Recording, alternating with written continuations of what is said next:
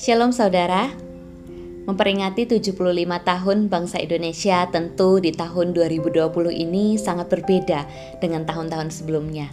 Di dalam kehidupan kita sebagai orang Kristen yang Tuhan tempatkan di tengah-tengah bangsa ini, mungkin kita perlu terus-menerus mengoreksi dan bertanya kepada diri kita sendiri, apa yang sudah kita berikan sebagai kontribusi kita sebagai anak Tuhan untuk menjadi terang di tengah-tengah bangsa ini.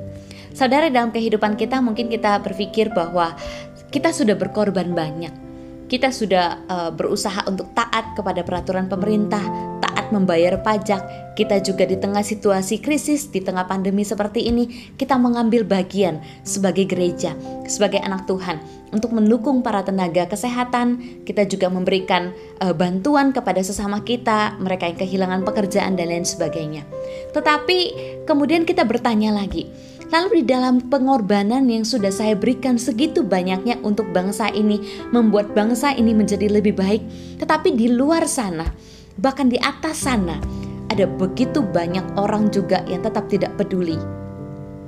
Bahkan uh, seolah-olah mereka yang duduk di, di bangku pemerintahan mereka sepertinya hidupnya masih tetap enak, tidak peduli bekerja, tidak mempedulikan rakyat yang berkorban begitu besar. Mereka tidak peduli apa yang sudah kami korbankan, mereka tetap memberikannya upaya yang terbaik untuk melayani rakyat. Bagaimana kami bisa tetap uh, memberikan pengorbanan kami, cinta kami yang begitu besar untuk bangsa ini?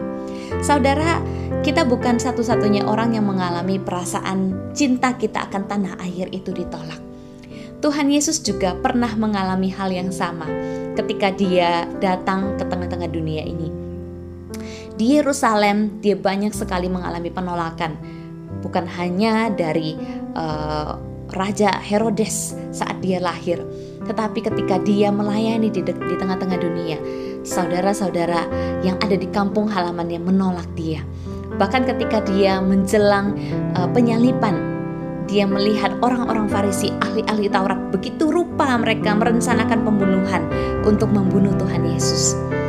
Di dalam perjalanan dia memasuki kota Yerusalem, begitu banyak orang menyerukan Hosana bagi anak Daud. Diberkatilah dia yang datang dalam nama Tuhan.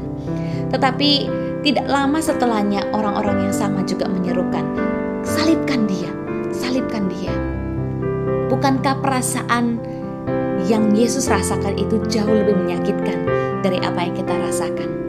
Ketika dia menuju kota Yerusalem di dalam Lukas pasal 19 ayat 41 dan 42 mencatat, ketika Yesus telah dekat dengan kota itu, dia melihat kota itu dia menangisinya dan dia berkata, "Wahai, betapa baiknya jika pada hari ini engkau mengerti apa yang perlu untuk damai sejahteramu." tetapi sekarang hal itu tersembunyi bagi matamu. Yesus datang ke dunia menawarkan keselamatan, menawarkan damai sejahtera, menawarkan penebusan bagi bangsanya, bagi umatnya, bagi kota Yerusalem. Tetapi mereka menolak itu. Dan pada saatnya juga di tahun 70 Masehi, pada akhirnya mereka pun harus melihat Yerusalem, bait Allah diruntuhkan.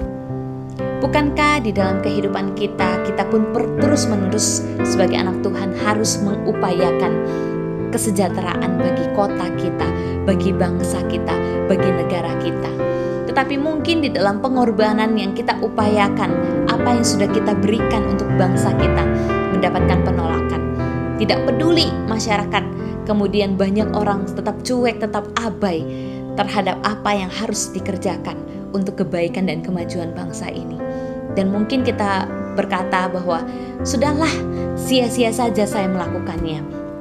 Apa pun yang saya korbankan untuk bangsa ini tidak mendapatkan balasan, bangsa ini tetap tidak menjadi lebih baik. Saudara, saya ingin mengajak kita belajar dari teladan Tuhan Yesus. Dia menangisi kota Yerusalem. Dia menangisi umat yang tidak mau bertobat. Dia menangisi manusia yang bebal hatinya. Tetapi dia tidak kemudian menjadi mundur. Tuhan Yesus tetap memberikan nyawanya menjadi penembusan bagi umatnya, bagi dunia ini. Dengan satu harapan bahwa orang-orang yang hatinya disentuh oleh belas kasihan Tuhan, mereka bisa menjadi perpanjangan tangan Tuhan, membawa terang di tengah-tengah dunia ini. Dan untuk itulah kita ada di tengah-tengah bangsa ini. Saudara yang dikasih Tuhan di tengah-tengah bangsa Indonesia yang penuh dengan persoalan, penuh dengan pergumulan, penuh dengan krisis. Saya ingin mendorong kita, jangan pernah lelah-lelahnya. Jangan pernah putus asa, jangan pernah hilang semangat, dan jangan pernah merasa pengorbanan kita itu sia-sia. Karena saya sangat meyakini bahwa apa yang kita korbankan berdampak kecil pun bagi satu atau dua orang itu akan bisa ditularkan semangat dan api itu seperti semangat kemerdekaan di tengah-tengah bangsa kita yang tidak boleh padam. Maka semangat kita untuk menjadi terang di tengah-tengah bangsa ini pun harus terus menyala-nyala.